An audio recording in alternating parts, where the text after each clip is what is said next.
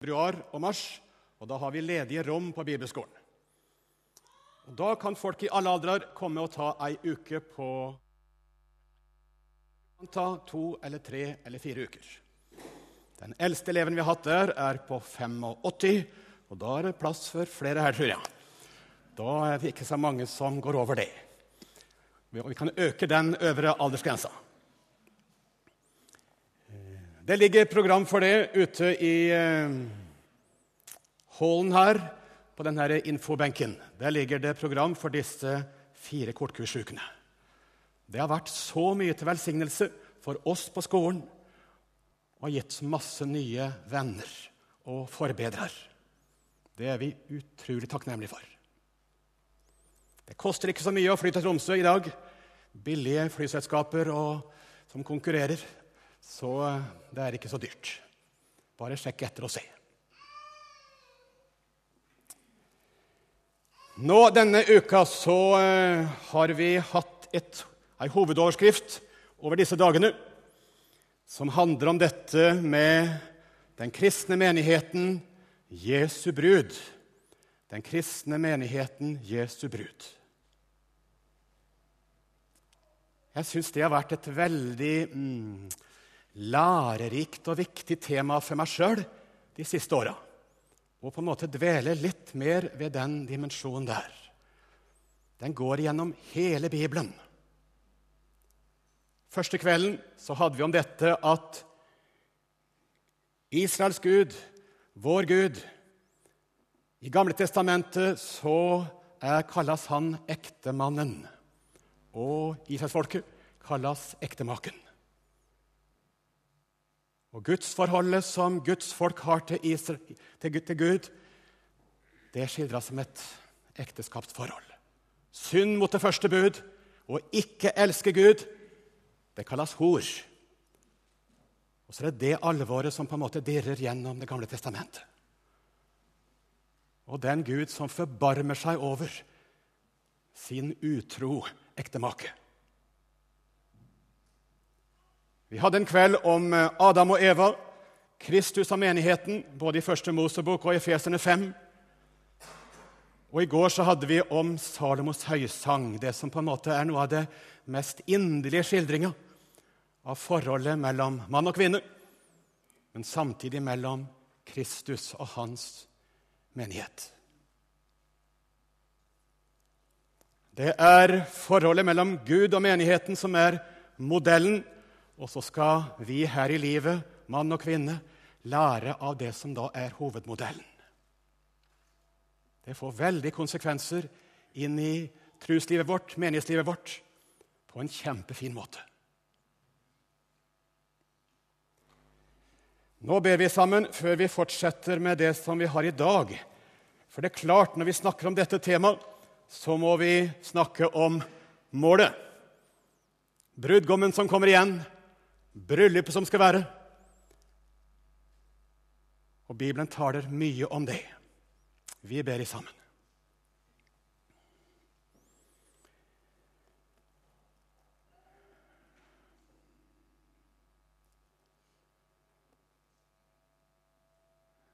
Kjære Jesus, jeg har trangt å be om din hellige ånd.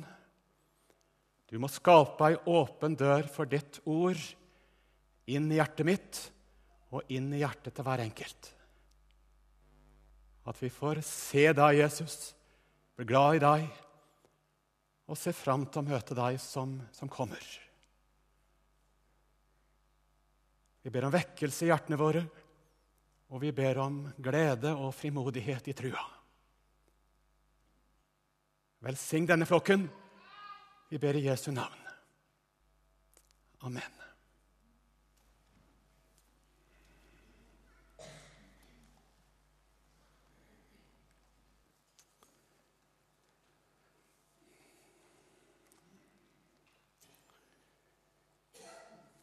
Jeg vet ikke om du har lagt merke til det, men det skildres et med to ulike utsagn i Bibelen, denne dimensjonen med å tilhøre Jesus.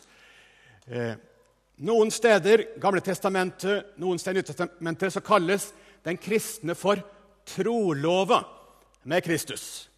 trolova med Kristus.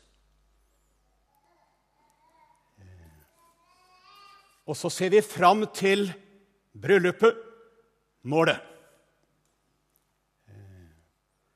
Trolovingsperioden i Israel, det var jo det var forpliktende.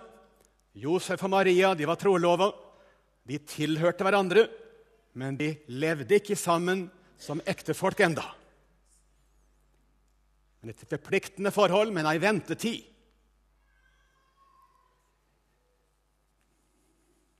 Brudgommen skulle jo da eh, lage i stand eh, huset, hjemmet. Eh, bruden gikk der og venta. Brudgommen var gått bort for å berede sted. Vi kjenner orda fra Bibelen. Jeg går bort for å berede dere sted. Så skal jeg komme igjen for å ta dere til meg. Dette er ut fra dette med trolovelsestanken i Bibelen. Han driver og lager til. Og så skulle brudgommen komme og hente sin trolovede. Og så har vi dette fra Matteus 25 om å gå han i møte. Brudgommen kommer.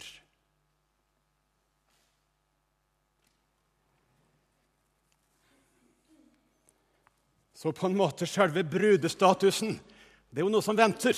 Det fullkomne venter der framme. Men sånn er det i Bibelen. Det er mange kristne sannheter som på en måte er to ting samtidig. Dobbelthet. For Bibelen beskriver jo også den kristne som brud her og nå.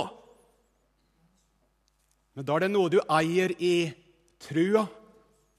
Det er ikke synlig, men du eier det i trua. Du er brud, Jesu brud, nå. Du er kledd med hans rene, fine drakt nå.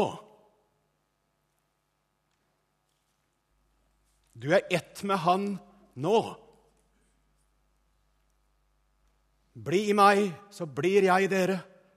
Det er noe som er nå i trua. Du tilhører Jesus som, som brud, og han er brudgom nå. Det er et inderlig kjærlighetsforhold, et inderlig samliv nå.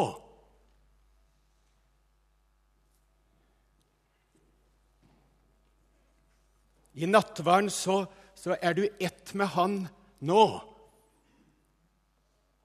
Vi tenker ikke bare til noe symbolsk. Langt ifra. Dette er Jesu legeme, dette er Jesu blod. Jeg er helt og fullt ett med Han. I ordet, i nattverden, i evangeliet.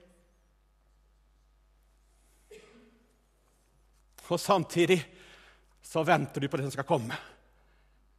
At det skal bli synlig, det du eier nå. For fortsatt så bærer du med deg samtidig så mye annet.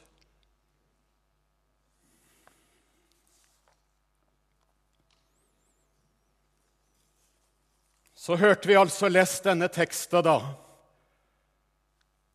Se, brudgommen kommer. Gå han i møte. Og vi leste fra, og hørte fra Åpenbaringen 19. Eh, Lammets bryllup er kommet, og hans brud har gjort seg rede. Hans brud har gjort seg rede.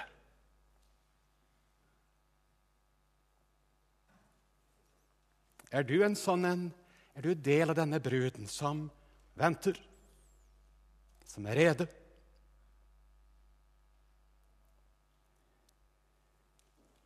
Det går an å tenke at dette ikke er så viktig. Å være mye opptatt med Jesu gjenkomst det gjør oss egentlig litt livsfjerne og lite opptatt med å være kristne her og nå, kan vi tenke. Hvis vi da tenker på dette med brud og brudgom Det nærmer seg bryllupet. Så kan vi jo tenke da at du er den som skal bli Eller bruden, da. I et vanlig bryllup. Og så tenker du som så Det haster ikke for meg med å gifte meg. Jeg håper det tar lang tid før den dagen kommer. Du er forlova Men det er ingen hast. Det er noen sånne som går og går og går vet du, i masse år. Det blir ikke noe mer. Og det haster ikke heller. Et merkelig kjærlighetsforhold. Skal de ikke gifte seg snart?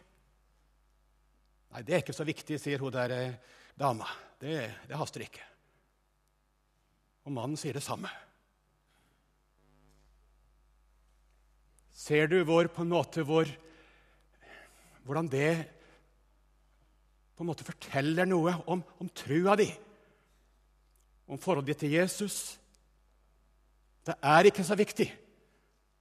Jesu gjenkomst, det haster ikke om det skjer når det skal skje. Jesus kom snart, står det i Bibelen på slutten. Så det er mange ting som på en måte smerter rundt det. Men bruden har noe av en lengsel. Du må komme snart, Jesus. Jeg venter på den dagen.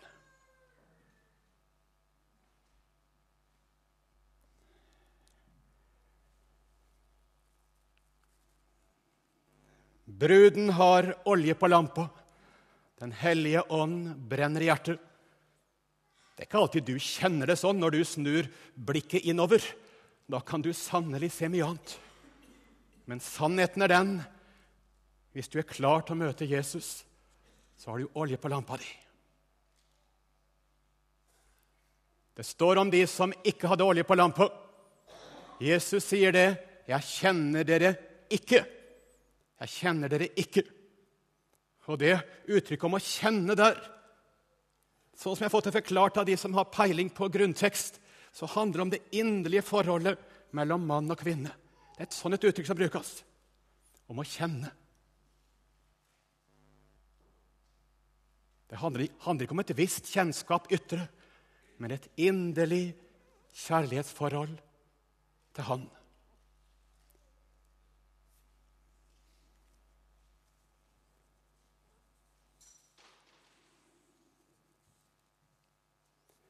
Å, Jesus, jeg må få være en av de som du kjennes ved.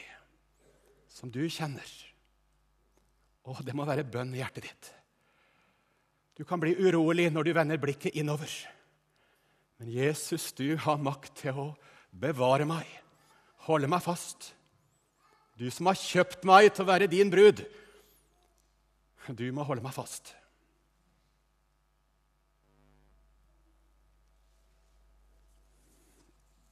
Når vi kommer da til åpenbaringen 19, 20, 21, så står det om bryllupet som skal komme. Og hva kalles det? Det kalles for lammet sitt bryllup. Det er ikke tilfeldig. Det står ikke om kongen sitt bryllup, men det står om lammets bryllup. Da da hjelper det liksom tankene våre, blikket vårt, det bildet av Jesus. Han den rene som ble ofra for min skyld. Lammet som bar verdens synd. Lammet som kjøpte deg til Gud. Lammets bryllup. Det kalles bryllupet.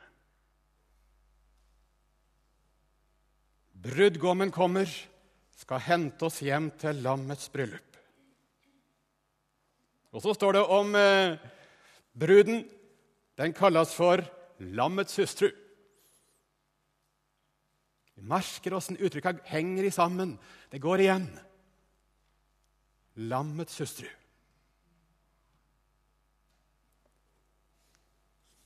Og så står det det at eh, vi ser fram til måltidet bryllupsmåltid. Det står så fint når Jesus innstifter nattverden. Nå jeg lengta etter å, å, spise sammen med dere, men nå så skal jeg ikke spise dette sammen med dere før jeg gjør det på ny i det fullkomne Guds rike. Og så står det om lammets bryllupsmåltid. En veldig klar sammenheng. Nå skal Jesus ofre seg. Nå spiser han sammen med dem, innstifter nattverden. Og så peker det framover på det bryllupsmåltidet. Nattverden inneholder så mange ting, men det er noe av det fineste. Peker framover mot bryllupsmåltidet. Jeg tror ikke jeg har vært i noe bryllup ja, hvor det ikke har vært et flott måltid. Har du vært det? Hvor liksom bare en treffes, og så er det ikke noe mat. Ikke noe, ikke noe fellesskap rundt bordet. Rekker opp hånda den som har vært i et sånt bryllup. Nei, jeg tror det er ingen. Jeg er litt spent på det der med det, det er måltid som liksom er noe av det Ja, nå vi er vi sammen her rundt dette måltidet. Måltidet i jødisk kultur det var kjempeviktig. Men det er på en måte å høre sammen. Fellesskapet, nærheten.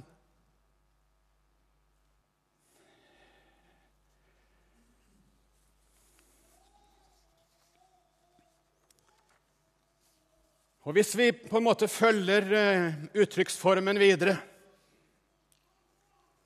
så hørte vi om at det skal bli en ny himmel, ny jord. Ikke gråt, ikke sorg, ikke smerte, ikke pine. Det sier liksom noe om hvordan det er å være der. Ånden der, klimaet der, hvordan det oppleves å være i dette bryllupet. Det er så godt å være der. Det er ikke noe smerte lenger, ikke noe gråt lenger.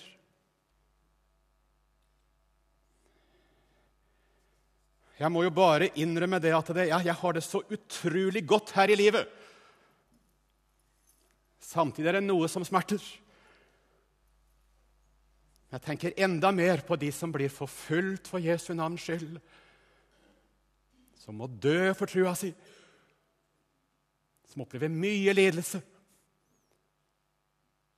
Og de som er hardt prøva med sykdom, konstant smerte, konstant lidelse. Og så tenk en dag så er det ikke noe mer gråt. Ikke noe mer lidelse.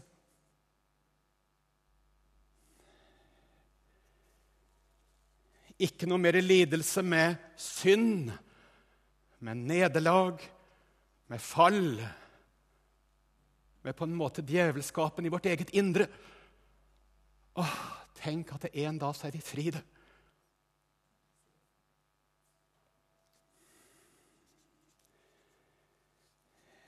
Det er godt å være i dette bryllupet. Ikke noe gråt, ikke noe smerter. Men jeg har lyst til å si også litt om eh, lokalene. Det betyr jo litt, det òg, når du skal i bryllup. Hvor skal det arrangeres hen?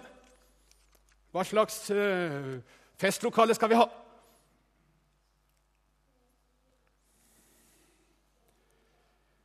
Veldig få er liksom bortom og sjekker det på forhånd. Vi bare får invitasjon og hører om ja, der skal vi være. Og der er det nok pynta, og der er det nok fint. Og vi har hørt litt om åssen det skal bli der.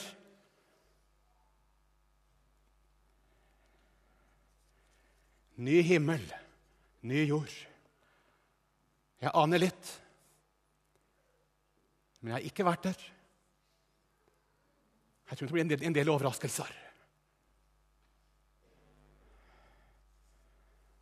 Men jeg ser at det er en likhet mellom det som skal bli, og det som var i starten.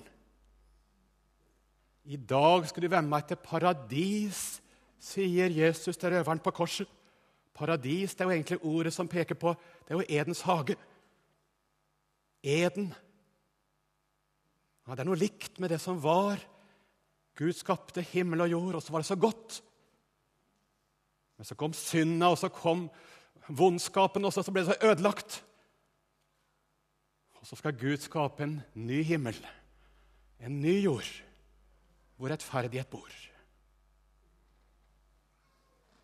Jeg syns det er godt å få lov å tenke på det. Det er en ny, herliggjort jord. Og Vi kommer tilbake til dette med at vår Gud skal bo midt iblant sitt folk. Himmelen det er jo der Gud er, der Jesus er. Og så skal det være en ny, herliggjort jord. Hele skaperverket lengter etter forløsning, står det. Det skaperverket her, det, det skal gå under under Guds dom. Himmel og jord skal brenne. Men så skal Gud skape. Det skal stå opp igjen noe nytt. Herliggjort.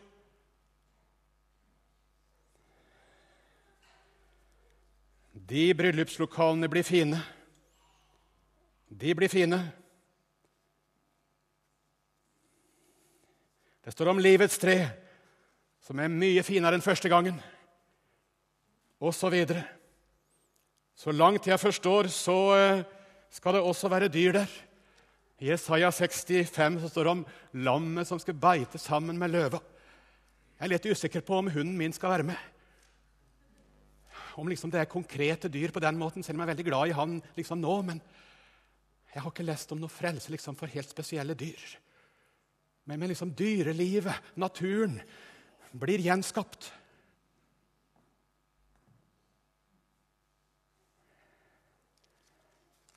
Åh, det er et fint mål. Jeg snakka med en gammel misjonsmann. Han sa det at nei, at vi skulle ha noen sånn, både noen ny kropp og være på ny jord, det trodde han ikke noe på. Vi skulle sveve rundt som engler, mente han. Det var rart. Hvor har han lest det i Bibelen? Åh, tenk at he, alt det Gud har skapt, skal bli herliggjort og nytt. Og så kroppen min. Den skal dø, og så skal han stå opp igjen. Og jeg har del i en oppstandelse som er lik hans oppstandelse. Åh! Forvandla. Kroppen til Jesus var forvandla og herliggjort. Og så har du del i en oppstandelse som er lik hans oppstandelse. Du kommer til å se like fin ut som du ser ut nå. Ja, enda mye, mye finere. Men det er deg. Det er akkurat deg. Men synda, kjødet, det som er ødelagt, er borte. Men det er du som skal stå opp igjen. Og det er de menneskene du levde sammen med her, det er de du skal møte igjen. Og så skjønner ikke jeg dette med Ja, men de er jo forvandla. Skal de se unge eller gamle ut? Jeg, jeg har ikke peiling. Jeg tipper på sånn 33-årsalderen. Ja. ja. Sånn var Jesus. Men, men jeg vet ikke. Men det er de samme menneskene. Herliggjorte, forvandla. Og så er det mange ting jeg ikke skjønner.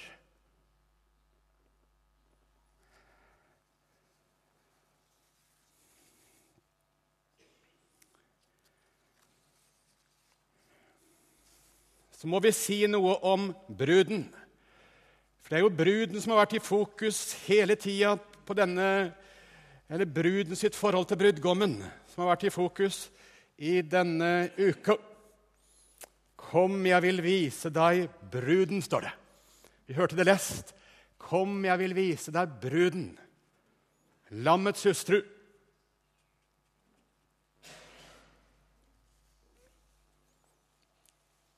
Så sto det om det nye Jerusalem som steg ned fra himmelen fra Gud, gjort i stand som en brud som er pynta for sin brudgom.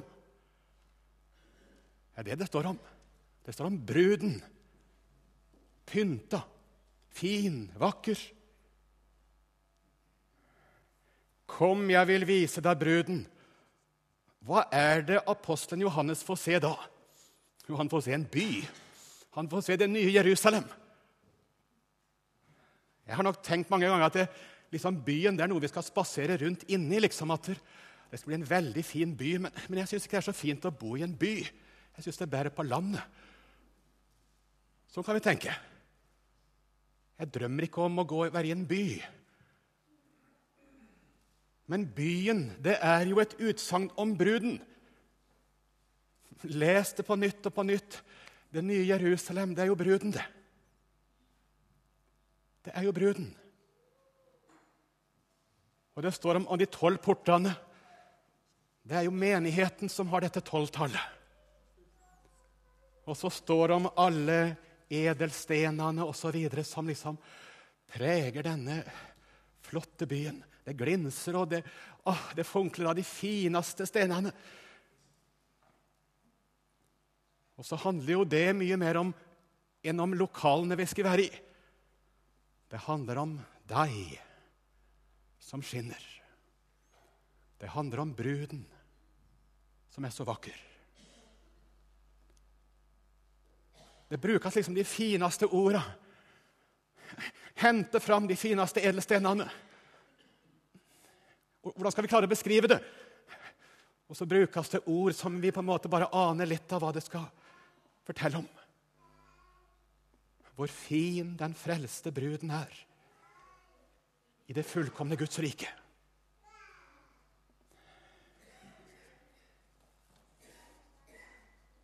Og det står om gate av gull, ikke gater, men det står om gaten av gull, som vi på en måte står midt på, og som vi er på, og som er midtpunktet der.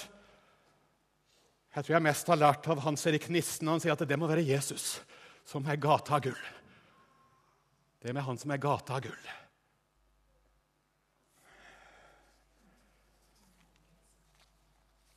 Og så kan vi filosofere og tenke og grunne på dette videre. Og mye av det vi lurer mest på, det er jo liksom hvem vi skal møte der.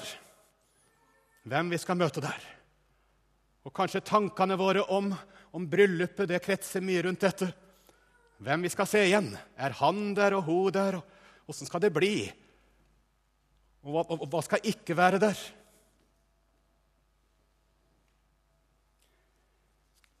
Og du ser for deg et vanlig bryllup. Eh, bruden har kommet til denne dagen.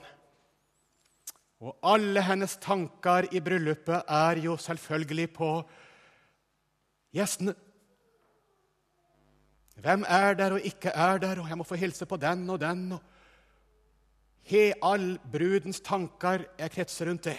Og det var så fine lokaler her. Altså Utrolig flott å, å, å, gifte seg, for vi har så fint lokale. Tankene er mest på det, de fine lokalene som vi skulle være så heldige å ha bryllup i. Det sitter en mann borte med meg òg, men han er ikke så viktig. Men det er jo lokalene vi er i og alle gjestene. Ja, men er det det som var det viktigste?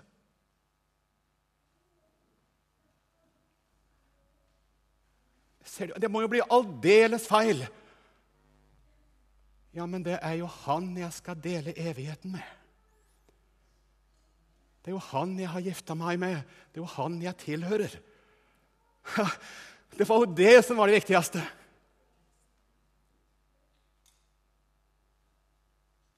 Skal ikke være noe tempel i staden. For Gud, Herren, skal bo midt iblant sitt folk. Og Jesus er der, og hans navn skal være på deres panner, og de skal se hans ansikt, står det. De skal se hans ansikt. Når du ser liksom et skikkelig bra bryllup som du er i, så ser bruden og brudgommen på hverandre. Liksom det, det, er det som er det fineste. De ser på hverandre. Du merker blikket. Du merker kjærligheten. Så det er kjekt med alt det rundt òg. Men det er jo forholdet mellom de to som er det viktige. Det er forholdet mellom de to som er det viktige. Det er Jesus du skal møte. Det er han du skal se. Det er han du skal være evig i sammen med.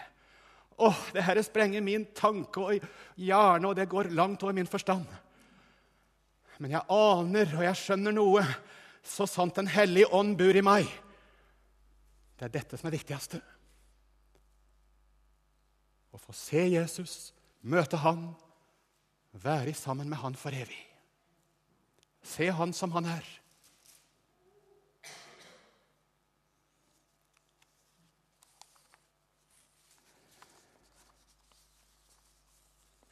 Og så står det til slutt at bruden sier, 'Kom, kom flere.' Kom flere og bli med til dette bryllupet.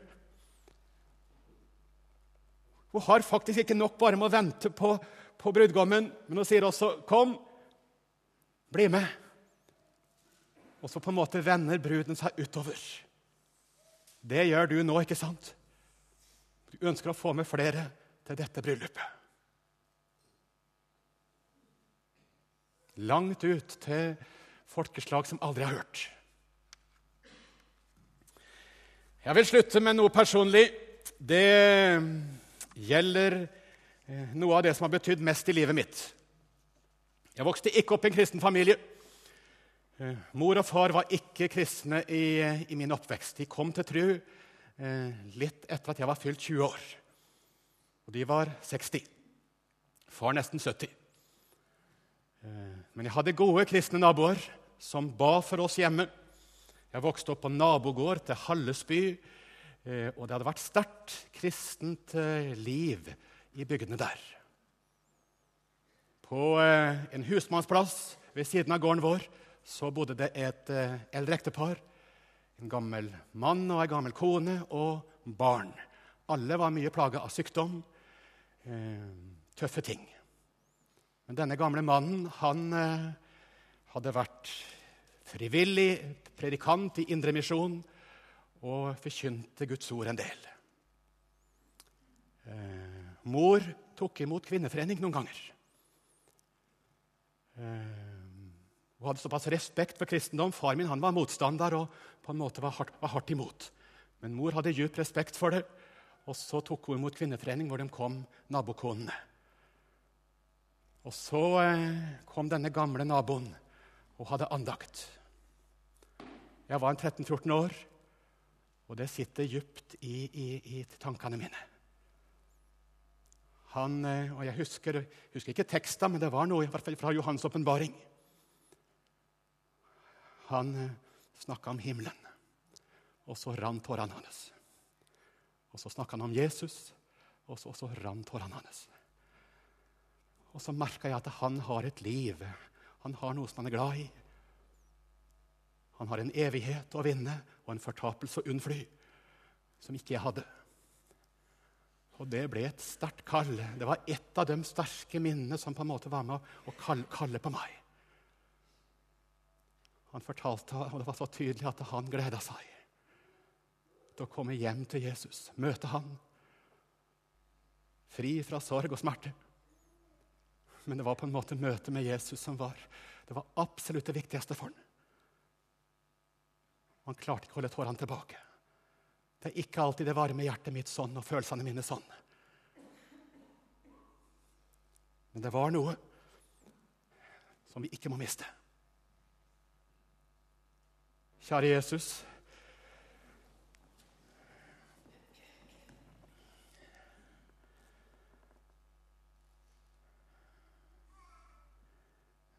Vi ber om at vi som er her, må bli bevart hjem til vi møter deg i lammets bryllup.